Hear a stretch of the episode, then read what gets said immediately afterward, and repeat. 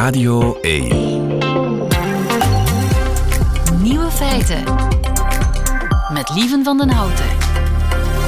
Dag en welkom bij de podcast van Nieuwe Feiten, geïnspireerd op de uitzending van Nieuwe Feiten van 23 maart 2023. In het nieuws vandaag dat de Queen kans maakt op een BAFTA. Meer bepaald haar begrafenis. Inderdaad, de live-uitzending van de uitvaart van Queen Elizabeth. Die is genomineerd, de BAFTA's. Dat zijn de belangrijkste Britse televisieprijzen. De Queen heeft haar nominatie vooral te danken aan de technisch perfect uitgevoerde multicamera-regie. Zowel tijdens de uitvaart als tijdens de processie van de kist door Londen en naar Windsor. Ook het geluid was zes uur lang perfect. Gefeliciteerd, Your Majesty. Op 14 mei weten we of de begrafenis van de Queen in de prijzen valt. Ik duim. De andere nieuwe feiten vandaag. Alle trucs die u kent om leugenaars te ontmaskeren, die werken niet, behalve één. Bitter inademen zou kunnen helpen tegen astma. Vaccins werken minder goed bij mannen die slecht slapen.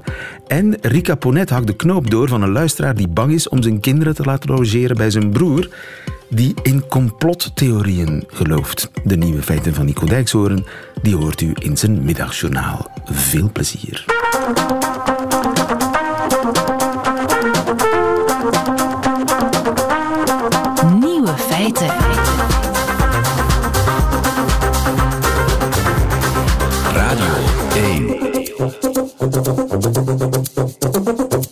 Bent u een man en slaapt u slecht, dan heb ik minder goed nieuws voor u. Vaccins werken minder goed bij u. Goedemiddag, Isabelle Leroux-Roels. Goedemiddag. Vaccinoloog aan eh, de Universiteit van Gent, UZ. Ja, dat moet blijken uit uh, onderzoek in uh, Amerika, Frankrijk, een Frans-Amerikaans onderzoek. Dat dus het immuniteits... Of nee, de gevoeligheid voor vaccins vermindert als man als je slecht slaapt. Geldt dat voor alle vaccins of is er een specifiek vaccin getest?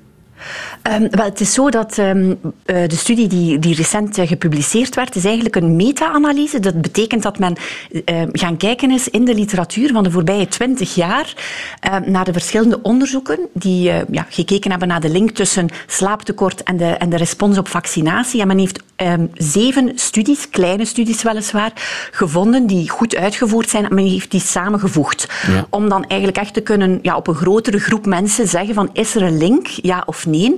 En de vaccins die onderzocht zijn, zijn griepvaccinatie en hepatitisvaccinatie. Alright. En dus daar was geen verschil tussen, tussen die vaccins. Het ging dus niet om het soort vaccin, het gaat om de reactie. Klopt, inderdaad. Het maakte niet uit over welk vaccin, maar wel uh, ja, de reactie. Um, vaccinatie is bij uitstek een moment om te kijken uh, hoe goed je immuunsysteem functioneert. Ja. En wat is slecht slapen? Wat noemen we slecht slapen? Wel, in die studies heeft men dat gedefinieerd als minder dan zes uur. Ja, en ten opzichte van een groep, en men heeft dat dan vergeleken met een groep die wel voldoende slaapt, en daar is de aanbeveling voor volwassenen tussen de 7 en 9 uur. Juist. En dat effect, is dat een groot effect op de respons van het vaccin? Ja, dat was um, afhankelijk een beetje van de verschillende studies. Er, waren ook, uh, een, er was ook een onderzoek bijvoorbeeld dat echt uh, mensen helemaal niet heeft laten slapen. Hè. Dat was de allereerste studie twintig jaar geleden. En daar zag men uh, concentratie van antistoffen die de helft minder waren. En, en zelfs nog minder dan de helft. Hè. Dus dat is substantieel. Um, ja, of dat dat dan betekent dat je helemaal niet meer beschermd bent, dat ga ik zeker en vast niet zeggen. Um, er zijn na deze studie ook nog wel heel wat vragen onbeantwoord. En, en de conclusie is vooral we hebben veel grotere onderzoeken nodig, ja. die ook echt gaan kijken van ja, uh, welke nachten rond de vaccinatie, uh, hoe lang uh, moet, ah, je, ja. moet je slapen precies. Um, en ook ja, die verschillen tussen man en vrouw gaan, gaan bestuderen. Want we weten ook niet of het gaat om het slaaptekort dat opgebouwd is op het moment dat je de vaccinatie krijgt, of dat het het slaaptekort is dat na de vaccinatie optreedt. Dat weten we eigenlijk niet. Nee, dat komt er niet zo uit naar voren. De auteurs suggereren dat het ja, die, de nachten zijn die het dichtst bij de vaccinatie liggen. Inderdaad, maar verder kunnen ze daar niet veel over zeggen. Ja. En hebben we enig idee waarom dat alleen mannen treft? Um, ja, we hebben daar wel een idee over. We weten dat um, de immuunreactie na vaccinatie en, het immuunsysteem in het algemeen tussen mannen en vrouwen, dat daar, dat daar verschillen in zitten. Niet alleen bij de mens, ook bij, bij de dieren. Daar is ook biologisch gezien een verklaring voor. Uh, mannetjesdieren in de natuur vechten meer. Uh, en daar is het immuunsysteem wat, wat rustiger. Om, om, uh, ja, zij, zij hebben meer trauma's enzovoort. Dus vandaar dat, dat dat immuunsysteem wat, wat rustiger is ten opzichte van vrouwen vrouwen. Uh, vrouwen hebben een, een sterkere immuunreactie algemeen, maar wat, er, wat ook belangrijk is, is dat je vrouwen op dat vlak niet allemaal op één hoop kan gooien. Eh, maar dat er heel grote individuele verschillen zijn afhankelijk van, van de leeftijd van de vrouw, of ze de pil gebruikt, in welk moment van de cyclus dat ze is. En bij mannen is dat ietsje homogener. Juist. En dus ja. uh, volgens die redenering zou het kunnen dat vrouwen dan ja, eerder geneigd zijn om te overreageren op een vaccin? Um, wel, om sterker te reageren, men ziet inderdaad in studies dat vrouwen uh, doorgaans wat, uh, ja, wat, wat meer bijwerkingen kunnen hebben na vaccinatie, hè, wat, wat meer uitgesproken wat rillingen of, of uh, meer uitgesproken pijn, maar dat de antistofconcentraties kunnen ook wat hoger liggen bij vrouwen, dat klopt. Ja. En dus mannen zijn, um, ja, hun immuunsysteem is iets minder onder de indruk van die vaccinatie. Kan ik het zo ja, zien? Helemaal juist. Ah, ja, helemaal omdat ze eigenlijk beter getraind zijn, ze hebben meer meegemaakt. Uh, biologisch gezien heeft, is dat de vermoedelijke verklaring hè, voor dat verschil uh, tussen de twee. Maar we weten dat, ja, dat het een um, combinatie, of het is vermoedelijk een combinatie van genetische en hormonale factoren die maakt ja. dat het immuunsysteem bij vrouwen anders reageert. Ja, en dat is een mogelijke verklaring uh, van het verschil in reactie bij, tussen mannen en vrouwen. Maar is er ook een verklaring voor het effect van dat slaaptekort? Uh, wel, het feit is, als die, de vrouwen reageren doorgaans al beter, hè, dus zij gaan al hoger antistoftiters hebben en door het feit dat die vrouwen, ja, zo, dat dat een, een meer heterogene groep is, komt dat effect er dus niet uit. Ja. Um, maar hoe komt dus het dat vandaar... als ik als man slecht slaap, dat dan uh, het vaccin minder effect heeft? Wat, wat, wat doet dat slaaptekort met mijn immuunsysteem? Wel, het is zo dat we weten dat ja, slaap is, is voor eigenlijk alle aspecten van onze gezondheid uh, heel erg belangrijk. Maar het maakt ook dat, uh, ja, dat, dat de T-cellen, de B-cellen, alle verschillende cellen van ons immuunsysteem, die, die herstellen overnacht en die functioneren beter als je goed slaapt. Oké. Okay. Ja. Dus als ik slecht slaap, dan is mijn immuunsysteem sowieso in de war.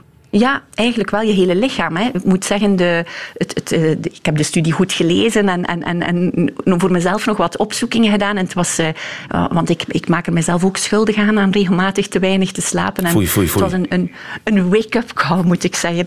Uh, nog eens goed te beseffen van hoe ongelooflijk belangrijk uh, dat, uh, dat goed slapen is. En uiteraard niet enkel voor de immuunrespons na vaccinatie, hè, maar algemeen jouw lichaam herstelt uh, tijdens de slaap. En ja, je moet voldoende lang slapen om die diepe slaap te bereiken, want daarin, in die fase, vind, ja, vinden die herstelprocessen plaats. En die hebben we op alle mogelijke manieren nodig, ook bij vaccinatie. Isabelle Roeroels van het UZ in Gent, dankjewel. Goedemiddag. Ja, dank u. Vraag het aan Rika.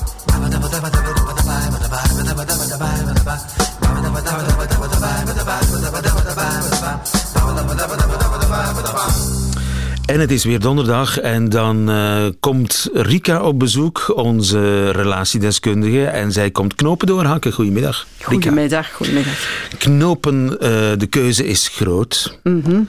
Zullen we de knop van Maarten nemen? Ja. Maarten schrijft, de laatste jaren zijn er meer en meer mensen in mijn omgeving in de konijnenpijp van het complotdenken gevallen. kan gebeuren. Ja. Sommigen al dieper dan anderen en dat maakt het soms moeilijk om contact te houden met sommige vrienden en familieleden. Hoe vertel je aan kinderen waarom ze hun tante al zo lang niet meer hebben gezien of waarom ze niet meer bij oom Tom en hun neefjes mogen logeren omdat je je zorgen maakt over hun waarheid? Wat doe je als kinderen iets opvangen? Of soms zelfs rechtstreeks worden aangesproken over vaccins die gevaarlijk zijn, over Hollywoodsterren die kinderhersenen eten om jong te blijven. Je kunt het zo gek niet bedenken of het is wel ergens online te vinden en kinderen krijgen het ook mee.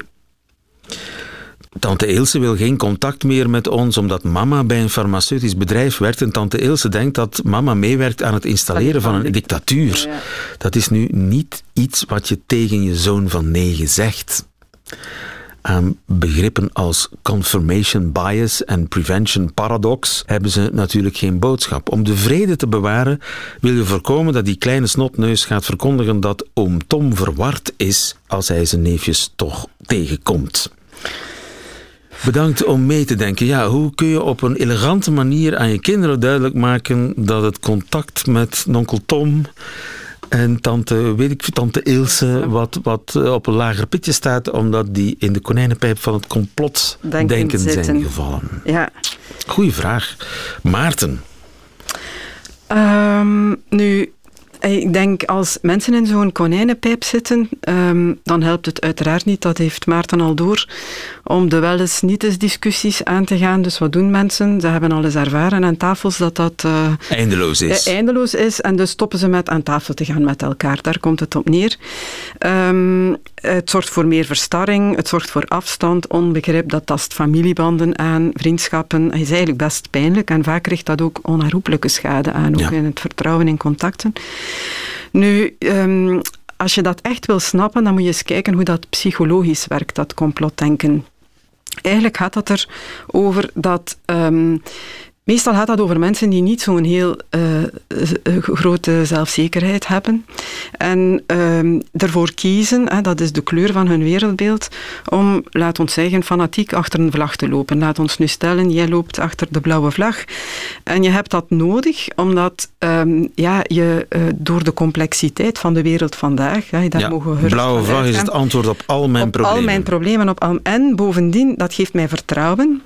in die groep vind ik ook erkenning aansluiting. De diepste menselijke behoefte is to belong, zoals dat dan in het Engels wordt gezegd. We willen ergens bij horen. En al die diepe, diepe noden, die worden eigenlijk... Het wordt vaak onderschat als drijfveer, als drijfveer om achter zo'n vlag te lopen. Hè? Om, omdat lopen. je in een ja. groep achter die vlag loopt. Daar en gaat die het groep, over. Die groep biedt bescherming. Biedt bescherming, geeft identiteit. Um, en dat is een heel belangrijk antwoord op onze eerste menselijke, diep menselijke behoefte als sociaal dier. Inderdaad, ergens bij horen. En je zoekt dan ja, die gelijkdenkenden altijd op, waardoor dat denkpatroon ook al maar uh, versterkt wordt. Dat geeft je eigenwaarde, dat bevestigt je, bevestigt je in je waarde, in je denken, in je zijn. Goed, nu, maar het blijft wel familie. Ja, inderdaad. En, en een onkel um, en tante. Ja. Wat ook is, niets verbindt zo erg als dan nog een vijand te hebben. Hè. Als jij achter de blauwe vlag loopt en ik achter de rode, ja, dan geeft dat eigenlijk, uh, dat is wat polarisatie is en wat we vandaag ook in de maatschappij heel sterk vaststellen. Het, het uh, ik-zij-denken of het wij-zij-denken, dat wordt daar, uh, die, die, identiteit die je haalt uit die groep, die wordt daardoor nog versterkt. Um, wat ik, um, ja, Maarten lijkt dan ruimdenkend te zijn, hè, op het eerste zicht, of doet, zit niet in de konijnenpijp. Daar gaat schrijft ook vanuit, goed, vind dat, ik. Ja, Opvallend absoluut, uh, leuke ja. brief. Maar wat Maarten duidelijk wel heeft, dat is, hij heeft angst voor besmetting van het gedachtegoed van degene die, als hij onder de rode vlag loopt, van degene die onder die blauwe vlag lopen. En eigenlijk is dat nergens voor nodig. Het is het idee van ik moet mijn kinderen beschermen voor hun soort van denken. Dan heb je in, in principe heel weinig vertrouwen in datgene wat jij jouw kinderen meegeeft. Nu, om los te komen uit dat, um, uit dat gepolariseer, ook maatschappelijk, denk ik dat het net bijzonder belangrijk is om geïnteresseerd te blijven in het denken van de anderen en um, te accepteren. Het is niet omdat wij van gedachten verschillen, dat wij toch niet samen aan tafel kunnen zitten. Dus toch aan tafel gaan? Absoluut wel aan tafel gaan. Niet over vaccins praten? Misschien wel, maar accepteren dat je daar andere ideeën okay. over hebt. En dat lijkt bij Maarten wel wat moeilijk te liggen. Hè? Want dan gaat dat er inderdaad over. Maarten is ervan overtuigd wat die andere denkt en zegt. Inhoudelijk, wetenschappelijk zal Maarten gelijk hebben. Wat die andere zegt, dat is de grootste, de reinste onzin. Hoe kan ik daarmee aan tafel gaan zitten en daar respect Ja. voor opbrengen? Daar gaat het niet over. Het gaat erover, kijk naar wat er op dat psychologisch niveau speelt. En dan kan je de andere weer als mens zien. Als mens die Maar, verlangt Rika, naar... zou jij je kinderen, jonge kinderen laten logeren bij eh, eh, tante Ilse en onkel Tom? Ik heb er vertrouwen in dat zij met die verhalen bij mij naar huis gaan komen. En dat we daar kunnen over praten. En dat net door geconfronteerd te worden met andere gedachtegoeden, je eigenlijk leert van je eigen ideeën vorm te geven en van genuanceerd te zijn. Ik heb het meegemaakt. Een van mijn, ja, mijn, mijn twee dochters, jaren geleden, zaten nog in het lager, hadden op school ehm, eh, Darwin gekregen. Waar komt de mens vandaan en hoe heeft de mens zich ontplooid? En dat wij dus eigenlijk ja, een tak zijn in de apen, of bij de, tussen de apen. En eh, zij hadden naschoolse opvang bij een hele leuke vrouw waar zij een super contact mee hadden, eh, die ze heel graag zagen. En het, eh, maar dat was een moslima, ehm, eh, niet een maar, dat was een moslima. En zij vertelden dus dat ze dat op school hadden gezien, dat ze dat moesten studeren voor de toetsdag erna. En die vrouw begon van, ik geloof daar niets van. Dat was een, die geloofde in het creationisme. De, God heeft de wereld geschapen zoals hij eruit ziet. En daar kwamen ze dan mee thuis. Ja, nee, daar ontspond zich een hele discussie. Eh zei, maar dat kan niet mevrouw, en we hebben dat in de klas gezien en de juffrouw heeft dat, en dan hadden ze het zelfs voorgedaan, hè. je kent dat wel, hè. zo eerst op handen en voeten en dan gaat de mens rechtop lopen. Ik zag ze het zo doen, hè. ze waren zeven toen. Ehm, nee, eh, ja, en dat staat in wetenschappelijke werken hadden ze, dus ze hadden eigenlijk al de, al, argumenten die ze, die ze hadden naar voren geschoven en met haar in discussie gegaan. En zij bleef bij haar standpunt. Ze kwamen daarmee naar huis, ze vertelden dat. Mama, ja, maar dat klopt dan toch wat wij in de les hebben gezien? En ik zei, ja, natuurlijk klopt dat. Hè. Je mag daar gerust vertrouwen in hebben. Ehm, maar ja, vanuit haar gedachtegoed is dat nu eenmaal zo, maar dat doet geen afbreuk aan wie zij is als mens. Zij tot op vandaag vinden ze dat een fantastische vrouw, hebben ze daar altijd een heel fijn... Dus het menselijke, die menselijke waarde, ja, die bleef, die was er. Alleen, op dat punt verschilden wij van mening. Juist, ja. Ehm, en daar, gaat dat over. Probeer er vertrouwen in te hebben. Ja, wat jij jouw kinderen meegeeft en het denkkader dat je aanreikt. En vooral de discussies die je hebt over zo'n dingen. ehm, dat dat altijd het krachtigste zal zijn in het wegblijven van dat gepolariseer. En dat vind ik een hele belangrijke boodschap vandaag. Maar eh, eh, eh, hij vraagt nog iets anders, Maarten. Namelijk, hoe vertel ik dat? En hoe vermijd ik dat zij ja, termen als wappie, dat schrijft hij nu niet, maar dat, dat, verward, hè, oom Tom is een beetje Ja. verward, dat hij dat niet tegen, tegen zijn neefjes zegt, de Ja. kinderen van oom Tom. Do- door zelf niet te zeggen dat Tom verward is. Ja, want dat is wat Maarten doet. Hè. Hij, Ja. hij zegt, Maarten zegt, oom Tom is verward. Ja, hij is ik, heb wappie. niet gezegd, ik heb niet gezegd, die vrouw is verward. Ik heb gezegd, die is in een heel andere cultuur grootgebracht. En bij hen wordt er vanuit de godsdienst zo gedacht. Ik heb het over Amerika gehad. Ik, ik heb gezegd, hier zijn ook mensen. Dus je moet op zo'n respectvolle manier eh, Ja. zeggen eh, dat hij verward Ja. Enfin, dat, dat, dat hij, een, hij is in een konijnenpijp. Nee, oh, ja, Lieve. een beetje creativiteit zal wel nodig zijn. Een omdat- beetje, ja, het gaat er eigenlijk over. Ik respecteer Tom als mens, ook al denkt Tom een aantal zaken ja, die voor mij moeilijk liggen of ehm, waar, ik, eh, waar ik niet achter sta. En ja, ik vind dat een, belangrijke, een hele belangrijke oefening. eh, dat je naast elkaar die meningen kunt hebben en toch samen aan tafel kunt zitten. Maarten, het wordt een eh, heerlijk paasfeest, heb ik het idee, bij de familie. Als er nog mensen zijn die vragen hebben, knopen voor Rika, ze zijn welkom op Nieuwe Feiten, radio1.be. Tot volgende week. Graag.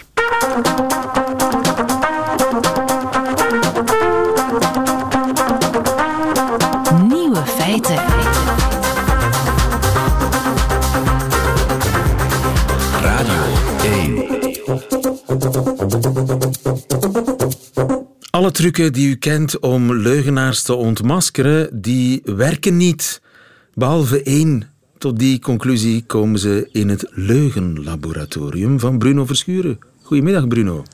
Goedemiddag. Of Ja. voor mij ochtend, maar... Ja, want u, u zit heel erg ver weg eh, op het eiland Aruba, begrijp ik. Ik zit in het verre buitenland op een eh, sabbatjaar, inderdaad. Inderdaad, eh, maar het zijn dan jouw collega's bij het Lion Lab, zoals het leugenlaboratorium officieel heet, die er zijn achtergekomen dat inderdaad alle trucken die wij gebruiken om leugenaars te ontmaskeren, dat die eigenlijk niet werken, behalve één. Ja, dat klopt eigenlijk wel. En dat is toch wel een verrassende uitkomst. Dus, dus, vooropgesteld, leugendetectie is ontzettend lastig. Mensen kunnen het gewoon helemaal niet. En dat hebben wij ook weer in een reeks studies uh, aangetoond. Dus de meeste mensen, als wij hen vragen van kijk, hier zijn een aantal verhalen of hier zijn een aantal uh, videoverklaringen of opnames. Probeer nu eens in te schatten, is het nu waar of gelogen? En dan zien we dat mensen dat echt heel slecht doen. Uh, dat ze helemaal niet goed in zijn. En maar, eigenlijk niet beter presteren dan kansniveau. Er zijn toch allerlei trucken die je wel eens hoort zeggen. Bijvoorbeeld mensen die uh, heel erg met de hand voor de mond praten. Of heel Precies, erg ja. wegkijken ja, tijdens het praten. Of, of zitten te wippen, te vriemelen. Dat dat allemaal tekenen zijn dat iemand de waarheid niet vertelt. Klopt dat dan niet? Nee, dat klopt helaas niet. Er zijn, bestaan dan heel hardnekkige mythes over. En uh, we hebben ook al onderzoek gedaan bij, bij mensen vragen van hoe denk jij dat een leugenaar tot masker is? Hoe denk jij dat je een leugen kan herkennen? En dan zie je heel vaak dat mensen dit soort uh, kenmerken noemen, zoals friemelen. En vooral een hele bekende is ook, en dat, dat zie je wereldwijd terug, uh, met een leugenaar kijk je niet in de ogen. Aha. Maar dat is eigenlijk een mythe, want die is eigenlijk al heel lang door onderzoek weerlegd. Daar is eigenlijk helemaal geen bewijs voor. En het probleem is zozeer dat, dat leken dat denken, want dan zou je kunnen denken, ja god, uh, wat maakt het uit?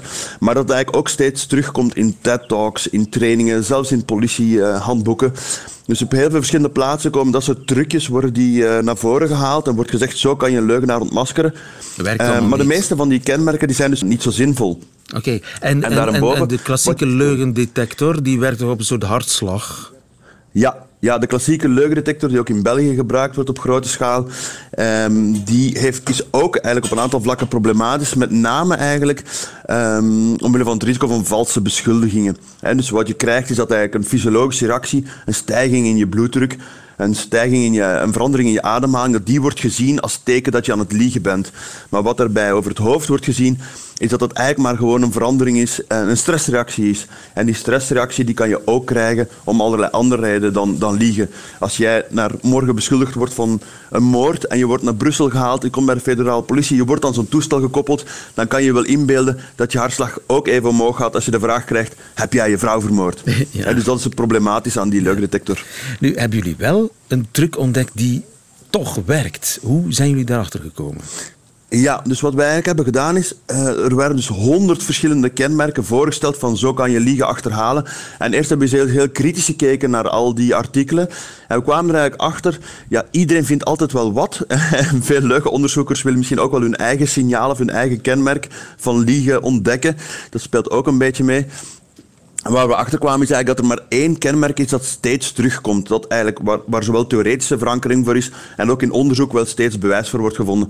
En dat is eigenlijk heel eenvoudig. Ik denk dat veel mensen dat ook wel zullen herkennen. En dat is eigenlijk dat een leugenaar een beetje vaag blijft, een beetje op de achtergrond blijft, terwijl iemand die de waarheid vertelt een meer gedetailleerd verhaal kan vertellen. Zo en dus de mate van detail, hoe rijk... Ja, en het, is, het idee is natuurlijk dat als jij echt iets hebt meegemaakt, als ik jou bijvoorbeeld vraag, wat heb je vorige week tussen donderdag tussen 11 en 3 gedaan, dan moet je misschien even nadenken, moet je misschien even je agenda raadplegen, maar dan kan je vervolgens vertellen, oké, eh, ik kan van 11 uur beginnen en ik kan een rijk en gedetailleerd verhaal vertellen wat je in die tijd gedaan hebt.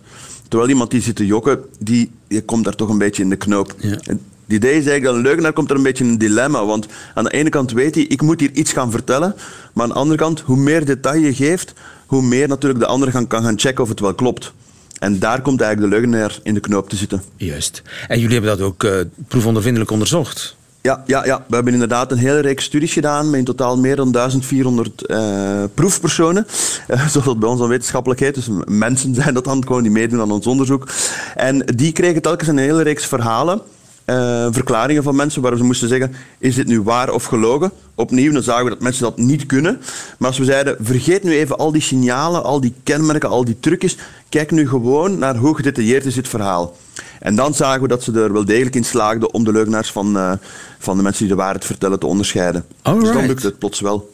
Dus jullie hebben ook mensen de opdracht gegeven om te liegen. Ja, ja, klopt, klopt. Dat is een beetje, uh, dat dat eigenlijk wel leuk aan leugenonderzoek. Dus eerst moeten we natuurlijk een aantal verklaringen hebben waar mensen liegen op de waarheid. En de enige manier eigenlijk om 100% zeker te zijn dat dat verhaal nu echt gelogen is of nu echt uh, de waarheid is, is eigenlijk om het in het lab um, te simuleren. Dus mensen komen naar, naar ons toe, naar de universiteit, en krijgen dan twee enveloppen. Ze kiezen er eentje en krijgen dan eigenlijk de opdracht om, eh, in dit geval waren studenten die dan ofwel een tentamen moesten gaan jatten, ofwel even eh, wat onschuldige activiteiten konden doen. Een wandeling gaan maken. En iedereen vertelde, oh, in het afgelopen half uur heb ik gewoon koffie gedronken, met mijn vriend gesproken. Dus iedereen vertelt hetzelfde verhaal, maar de helft zit te liegen. Aha. En degene die zitten te liegen, die, die vertelde minder details. Precies, ja. Want diegenen die zitten liegen, die waren natuurlijk druk met het uitvoeren van hun misdrijf. En die hadden, die hadden niet in werkelijkheid eh, de tijd en de kans gehad om naar de bibliotheek te gaan, met hun vriend te spreken, koffie te drinken. Dus die verzinnen dat.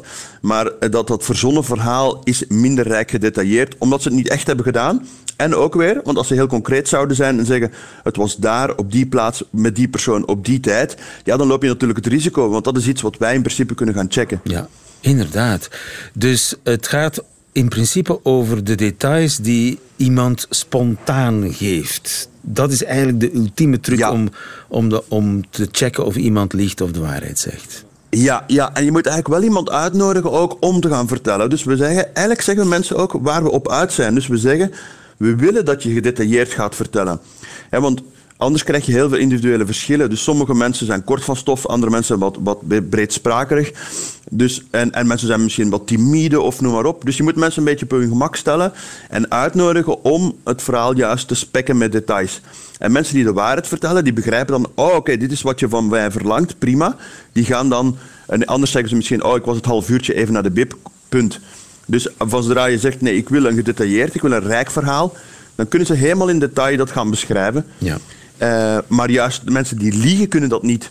Oké, Bruno, ik hoop dat de moordenaars en de dieven dat die niet luisteren. ja, dat klopt natuurlijk. Dat is een van de problemen met leugendetectie, is dat het eigenlijk altijd een kat-en-muisspelletje is en blijft. Dus van zodra je een nieuwe techniek komt of een nieuwe test komt, dan luisteren de leugenaars natuurlijk mee en dan gaan die natuurlijk op, op zoek naar manieren om de test te omzeilen. En dat gaat hier natuurlijk ook een rol spelen. Tegelijkertijd is het zo dat eh, de beste manier om deze test of deze techniek te omzeilen is veel details geven. Dat kan, maar dan loop je dus opnieuw weer meer risico om gepakt te worden. Dus het is een soort van eh Ja, ja. tweesnijdend zwaard voor de Oké. leugenaar. Ik geloof er alles van. Dankjewel, Bruno Verschuren van het LILAB, het. Leugenlaboratorium in Amsterdam. Dankjewel, goedemiddag. Dankjewel, goedemiddag. Radio 1. Nieuwe feiten. Iets bitters inademen, dat kan helpen tegen astma. Zo gek als het klinkt. Joël Broekaert, goedemiddag. Goedemiddag. Je bent eh, geen dokter, voor alle duidelijkheid. Je bent geen collega van die onderzoekers in Duitsland. Maar je bent gewoon eh, smaakspecialist. Want het zijn onderzoekers in Duitsland die een, eh, een middel hebben ontwikkeld tegen astma op basis van bitter. Zou het kunnen dat mijn longen bitter proeven? Ja, dat, ehm, zo, zo zou je het kunnen zeggen. Maar ik denk eigenlijk dat het slimmer is om het iets anders te, te zeggen. We hebben ehm, in, ons, in onze mond smaakreceptoren waarmee we bittere stoffen proeven. En dat ervaren we dan als een bittere smaak. Maar we hebben eh, soortgelijke receptoren ook in andere plekken in ons lichaam. Dus zowel in de longen, maar bijvoorbeeld ook in je eh, slokdarm, in je eh, spijsverteringskanaal. Zitten receptoren die in dit geval bittere stoffen detecteren. Alleen de prikkels die daar vanuit gestuurd worden naar onze hersenen worden niet omgezet in de ervaring van een bittere smaak. Het is niet zo dat als jij iets bitters inademt, dat jij nog steeds de smaak bitter proeft. Die worden dan op een andere manier worden die prikkels verwerkt eh, in je hersenen. Dus ja, eh, kunnen je longen bitter proeven? Nee, ze kunnen wel bittere stoffen detecteren, laten we het zo zeggen. Ze voelen hem, dat bittere, dat, dat voelen ze, maar eh, ik voel het niet. Zo simpel is het eigenlijk. Mijn, mijn hersenen eh, zetten dat niet om in een smaaksensatie. Maar ik dacht dat smaakreceptoren dat die alleen op mijn tong zaten. Nee, ze zitten sowieso niet alleen op je tong, ook in je, verder in je mond. Hè. Eigenlijk proef je met je hele mond. Die smaakreceptoren zitten op je smaakpapillen. En die papillen, die dat zitten- zijn niet die nopjes op mijn tong? Nee, ook niet. Dat zijn de, eh, met een mooi woord, paddenstoelvormige papillae. En daarop liggen de smaakpapillen gegroepeerd. Ehm, maar die smaakpapillen zitten niet alleen op je tong, ze zitten ook aan de binnenkant van je wang, op je verhemelte, in je keel. Ehm, dus je kan eigenlijk met je hele mond kun je proeven. Oké. En is dat dan ingedeeld in zones? Dat heb ik ook eh, ooit, ooit Ja. geleerd. Dat, eh, dat, bijvoorbeeld, is het? Bitter achteraan, zoet vooraan, zout eh, links. Ik weet het niet Dat meer. heb ik ook geleerd vroeger. Ehm, dat is een heel hardnekkig misverstand. Talloze naoorlogse generaties hebben dat eh, op school aangeleerd gekregen. En dat is, een, eh, dat is niet waar. Je kan het onmiddellijk vergeten. Op elke smaakpapil zitten alle receptoren voor alle vijf de smaken die we kunnen proeven. Hè. Dus we hebben het over zoet, zuur, zout, bitter en umami. En met elke smaakpapil kun je al die smaken proeven. En die smaakpapillen zitten dus overal. Overal in mijn hele mond, niet alleen op mijn tong. En dus kennelijk zijn er ook eh, smaakreceptoren in mijn longen. Zitten die ook elders in mijn lichaam? Ja, er zitten ehm, dus in het spijsverteringskanaal, wat ik net zei, dus in je, in je slokdarm, eh, maar in je darmen zelf natuurlijk ook, ehm, zitten dit soort receptoren. En die geven dus informatie door over de voedingswaarde van wat wij binnenkrijgen. Dus eh, vooral. Eh, zoet is in dit geval heel belangrijk. De zoete smaak is eigenlijk een, ehm, een aanduiding dat ergens suiker in zit. En suiker is een belangrijke brandstof voor het leven. Hè. Dat is eigenlijk alles eh, in het leven, dieren, planten, mensen. Wij draaien allemaal op suiker. Dus het is heel belangrijk dat wij een manier hebben om te kunnen detecteren dat ergens suiker in zit. Hè, zodat, zo zorgt onze natuur. Hè, en wat er vervolgens gebeurt is die smaakpapillen die detecteren dat er ergens suiker in zit. Die geven een prikkel af. Die prikkel wordt vertaald in de, de, de waarneming van een zoete smaak. En die waarneming van die zoete smaak, daar, eh, als daar sprake van is, dan komen er stofjes los in onze hersenen, opioïde stoffen, dus dingen als dopamine, en die geven een goed gevoel. Dus met andere woorden, op het moment dat die smaakreceptor op die smaakpapil waarneemt dat er suiker in ons voedsel zit, dan geven onze hersenen ons een fijne prikkel, ons een fijn gevoel. En zo zorgt de natuur er eigenlijk voor dat wij van die zoete dingen blijven eten. Iedereen vindt zoet lekker, omdat het belangrijk is dat we die suikers tot ons nemen. Ja. Nou, diezelfde informatie is nog steeds heel waardevol later in de spijsvertering over hè, dit, zeg maar wij, de, de smaakreceptoren in jouw darmen geven jou niet eh, de prikkel die wordt vertaald in een zoete smaak, maar misschien in hongergevoel of in ehm, Ja. Eh, ehm, die, die, zijn, die, die, die informatie wordt gebruikt eigenlijk bij, bij het metabolisme. Hè? Dus eh, of Juist. we suikers moeten vrijmaken in, de bloed, eh, in het bloed, et cetera, dat soort dingen. Dus eigenlijk ons hele lijf proeft, zonder dat we het zelf beseffen. Eh, en bitter zou dus, althans volgens die onderzoekers in Duitsland, de longen doen opengaan. Ja. Bizar, hè? Ja, ik, ik, nou ja, nogmaals, nu, nu, nu ga ik ook speculeren hoor, want hier heb ik zelf geen verstand van. Maar ik zou me kunnen voorstellen dat een, een bittere stof, hè, de smaak bitter is vaak duidt op gif. Eh, gifstoffen zijn vaak bitter, vandaar dat wij van de bittere smaak eigenlijk is dat een aversieve prikkel. We, hè, we, we, we zijn geneigd om bittere dingen uit te spugen als ze heel bitter zijn. Je krijgt er een soort kokhalsreflex van. Je moet denken als je een, een paracetamolletje probeert in te nemen, maar het valt uit elkaar in je mond voordat je het door hebt kunnen slikken. Dat is, daar gaat, iedereen gaat daar eigenlijk een soort van zo zijn tong van uitsteken en een, een gapende reflex maken. Ehm, omdat het heel belangrijk is dat die bittere stoffen, dat je die niet in je systeem krijgt. Dus als wij bitter proeven, dan zitten wij zo in elkaar dat we dus onmiddellijk dat gaan uitspugen. Ehm, ik zou me ergens kunnen voorstellen dat het misschien handig is dat als je iets bitters inademt, dat je ook Gaat je luchtwegen lopen. open gaan Ja. staan, zodat je het snel kan uitademen weer. Maar goed, nogmaals, dat is Ja, ja, ja, ja. speculatie van mijn kant. Dat, dat zou best kunnen. Maar In ieder geval, onderzoekers in Duitsland zijn ervan overtuigd dat zij een nieuw middel ontwikkeld hebben, of althans een soort van prototype tegen astma of andere longproblemen. Mhm. Op basis van bitter. En eh, dankzij jou, Joël, weten we nu ook ongeveer hoe dat eh, zou kunnen komen. Dankjewel, Joël Broekaert. Goedemiddag. Nieuwe feiten. Radio 1. Voilà, dat waren ze. De nieuwe feiten van 23 maart. Alleen nog die van Nico Dijkshoorn, die krijgt u nu in zijn middagjournaal. Nieuwe feiten. Middagjournaal. Beste luisteraars. De laatste tijd duikt mijn dode vader veel op in de stukjes die ik schrijf. Het zou ermee te maken kunnen hebben dat steeds meer mensen zeggen dat ik erg op hem lijk. Zijn uiterlijk dan. Ikzelf koester vooral de verschillen. Godzijdank liep ik ooit een boekwinkel binnen en zag ik die enorme muur van boekenruggen. En ze joegen mij geen angst aan. Diep van binnen begreep ik dat ze helemaal vol stonden met letters die waren opgeschreven door iemand die blijkbaar niet op mijn vader leek. Ik durf je wel te zeggen dat ik verwekt ben door mijn vader En dat ik ben opgevoed door Hemingway, Celine, Gerard Reven en veel later Patti Smith. En dat heeft iets treurigs.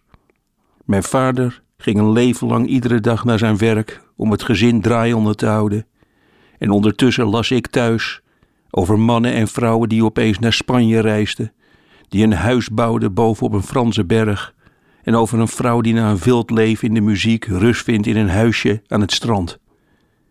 Ik denk dat mijn vader de laatste tijd zo nadrukkelijk aan de deur klopt, omdat er de laatste maanden twee films furoren maken die gaan over de band vader-dochter. Ik zag een van die twee films.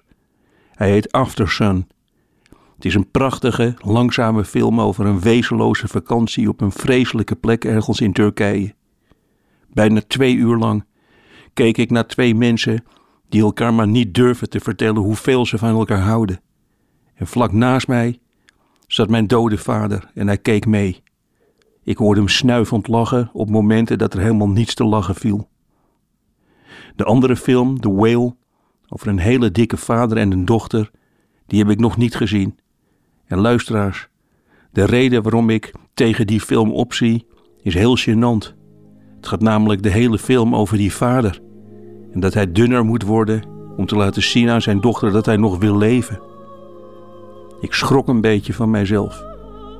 Ik wil blijkbaar alleen films zien waarin de relatie vader-kind vooral vanuit het kind wordt getoond. En ik ben blijkbaar minder geïnteresseerd in het verhaal van de vader. Luisteraars, ik zit nog steeds vol in de ontkenning. Hardnekkig ben ik niet geïnteresseerd in het verhaal van mijn vader. Ik begrijp nu, op dit moment, opeens dat dit middagjournaal heel misschien een beginnetje is.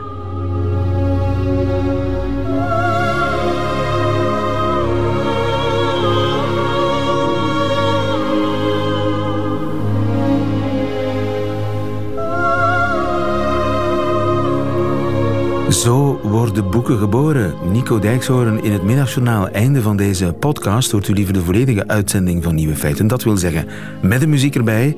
Dat kan natuurlijk live elke werkdag tussen 12 en 1 op Radio 1. Of on demand via radio1.be of de Radio 1 app. Tot een volgende keer.